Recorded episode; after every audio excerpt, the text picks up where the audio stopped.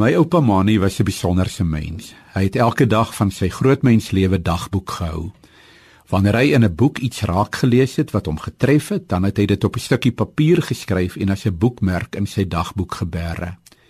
Ek glo dat dit een van die maniere was waarop hy sy geloof aan sy kinders en sy kleinkinders oorgedra het.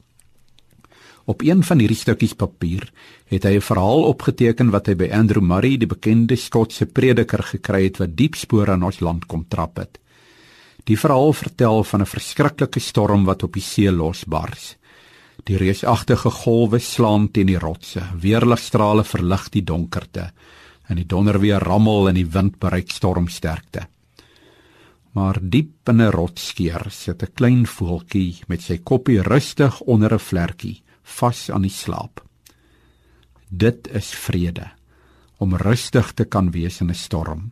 Aan die storm kan die voeltjie niks doen nie en hy hoef ook niks daaraan te doen nie want hy is veilig sy vader sorg vir hom.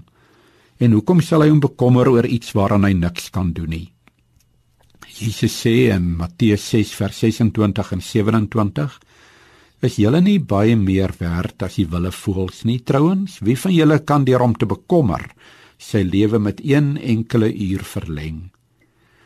Vanoggend wil die woord van die Here vir jou kom sê: In Christus kan jy maar ontspan. Al woed en druis en flits dit rondom jou. Jy kan maar in die storms van die lewe ontspan want God is in beheer. God is groter as al die storms, ook groter as die storms in jou eie lewe.